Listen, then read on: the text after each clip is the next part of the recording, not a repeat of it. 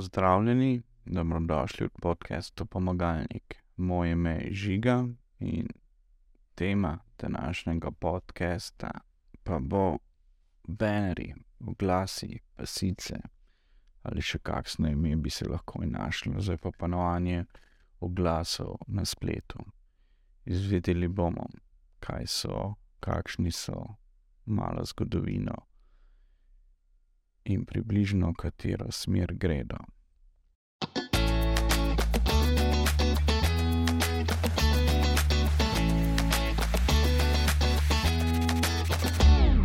Glasna pasica, oglas, banner, oglas, banner, web banner. Včasih so bili tudi flash bannerji, so izrazi za obliko oglaševanja na spletu ali v mobilnih aplikacijah. Oglas predstavlja v bistvu ali pa banner neke vrste zaključeno grafično celoto določenih dimenzij, ki je vstavljena v spletno mesto ali aplikacijo z namenom pridobivanja klikov oziroma promocije izdelka ali storitve. Oglasni bannerji imajo v bistvu eno funkcijo. Kot tradicionalni oglasi v klasičnih medijih, ki oglašujejo izdelke, storitve, razloge, zakaj je nekdo boljši od drugih. Za razliko od tradicionalnih oglasov pa lahko spletne oglase merimo, ciljamo oziroma na njih klikamo. In ko takšni uporabniki pridejo potem na našo stran, jih lahko naprej tudi sledimo. S tem je seveda ustrezno zakonodajo. Zdaj, samo glas, banner, kakorkoli mu že pravite, lahko urejen v različnih tehnologijah. Najprej smo imeli slikovne formate, kot so JPEG, GIF, PNG, kasneje pa so prišli še JavaScript, HTML, Flash. Neko obdobje je bil tudi Flash zelo popularen, ker so se dali delati izredno zanimive in dobre stvari, ampak ga je v bistvu kasneje Apple pokopal in je v bistvu totalno propadel. Za oglasne pasice oziroma bannerje, ki pa imajo animacije, zvok ali video, pa običajno uporabljamo HTML tehnologijo. Sami oglasi so ponovadi največkrat pozicionirani na straneh, ki imajo velik doseg, se pravi veliko obiska po domače. Pri nas to, so to običajno kakšni novičarski portali, forumi ali namenski portali.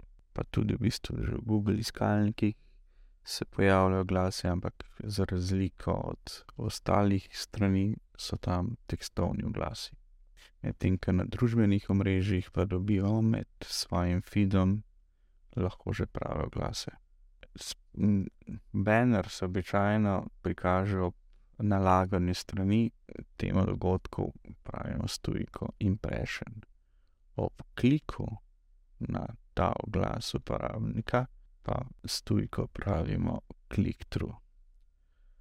Običajno se na eni strani lahko prikazuje več oglasov, naključno, lahko pa so ciljani glede na vsebino, katero prebiramo. Servisirani so pa vsadji z oglaševalskih strežnikov. Vsak prikaz oziroma klik na banner se zabeležita in sta tako lahko v osnovi za izračun cene oglaševanja. Uporablja se lahko in model, kjer plačamo dobro ime, se pravi, da se mi lahko pojavljamo na določenih straneh, in ni važno, ko to imamo prikazov in klikov, izračun oglaševanja se lahko izračuna tudi po drugih modelih. Zdaj, mogoče še malo zgodovine. Pionirji oglasnih bannerjev so bili pri podjetju Prodigy, kjer so že v osemdesetih ponujali spletno oglaševanje. Prvi oglas banner, ki je imel klik funkcijo, pa so prodali pri Global Network Navigatorju leta tisoč devetsto triindevetdeset. podjetje Hotwire pa je bilo prvo podjetje, ki je začelo oglase prodajati bolj masovno. Kljub napovedim, da bo oglaševanje na spletu zadalo hud udarec tradicionalnim načinom oglaševanja, se to še dandanes ni zgodilo. Tradicionalni mediji še vedno ostajajo z veliko večino podjetij glavni kanali komunikacije.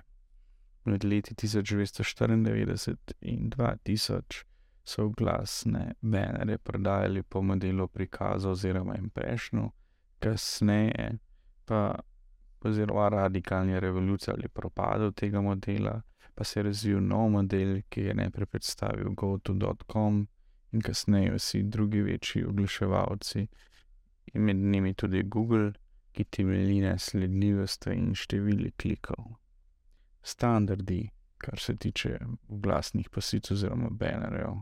Do neke mere so bili standardizirani strani Jaba, ampak na voljo imamo tako ogromno enih formatov pa vse, da običajno, kadar se lotimo oglaševanja, vedno zahtevamo v bistvu specifikacijo, kje bojo naši bannerji in kakšne so njihove dimenzijske zahteve. Zdaj ene najbolj popularnih bannerjev so v bistvu taka tenka pasica, ke je dimenzij sedemsto osemindvajset krat devetdeset pikslov, na primer kocka, ki ima tristo krat dvesto petdeset pikslov, dvojna pokončna kocka, ke je tristo krat šeststo, ozek stolpič sto šestdeset krat šeststo pikslov in tako naprej. Običajno se moramo pri omejitvah oziroma ke pripravljamo oglasne pasice držati še, da mora biti oglas oziroma velikost datoteke oziroma vseh datotek skupaj med petdeset in sto petdeset kilobajtov. Oglas mora biti jasno razpoznaven, nemoteč za uporabnika. Oglas ne sme uporabljati elementov, ki bi zavajali uporabnike. To pomeni, da gre za funkcionalnost strani, gumbov, tako da v bistvu bi zavajali uporabnika k temu, da bi kliknil. Običajno mora biti znana identiteta izdelka ali storitve oziroma podjetja, se pravi, kdo oglašuje oziroma kaj se oglašuje. Zvok v oglasih ali video vsebinah lahko sproži le uporabnik. Zdaj, poznamo pa tudi naprednejše oblike oglasnih pasic, bannerjev. Zdaj, trenutni, bi lahko rekli naprednejši, se v bistvu pojavijo neke vrste integracije z družbenimi omrežji ali pa samo funkcionalnost te strani. Recimo na spletu, če veliko nakupujete, velikokrat srečate oglase, kjer vam ponujajo izdelke, ki ste jih mogoče prej gledali, ali več le-teh. Potem imamo tudi kake oglase, kjer se lahko izpisujejo izpisi iz družbenih omrežij ali pa tekoči športni rezultati, testi, ankete, vnos na polje, iskalniki. Tehnološko gledano pa v ospredje prihajajo HTML bannerji z Javascriptom oziroma online orodji, ki nam omogočajo izdelavo odzivnih spletnih oglasov. To pomeni, da se oglasi avtomatsko prilagajajo uporabnikovemu mediju, mobilnemu telefonu, tablici, računalniku. Specifičnost teh naprednejših oglasov pa je to, da uporabnik naloži gor samo glavno podobo, se pravi sliko, ustrezno besedilo, dimenzije pa se potem generirajo same. ena glavnih slabosti te metode je, da so oglasi zelo, bi rekel, generični, ni veliko dodatnega oblikovanja. Tako, kam bomo šli z bannerji, bomo videli, veliko uporabnikov tudi uporablja adblockerje. To pomeni, da avtomatsko zablokirajo vse oglase, ki jih vidijo na spletu.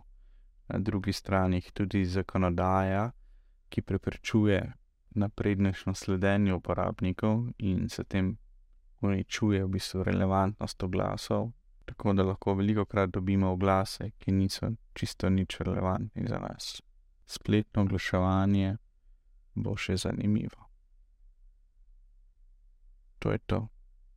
Nasvidenje, do naslednjič.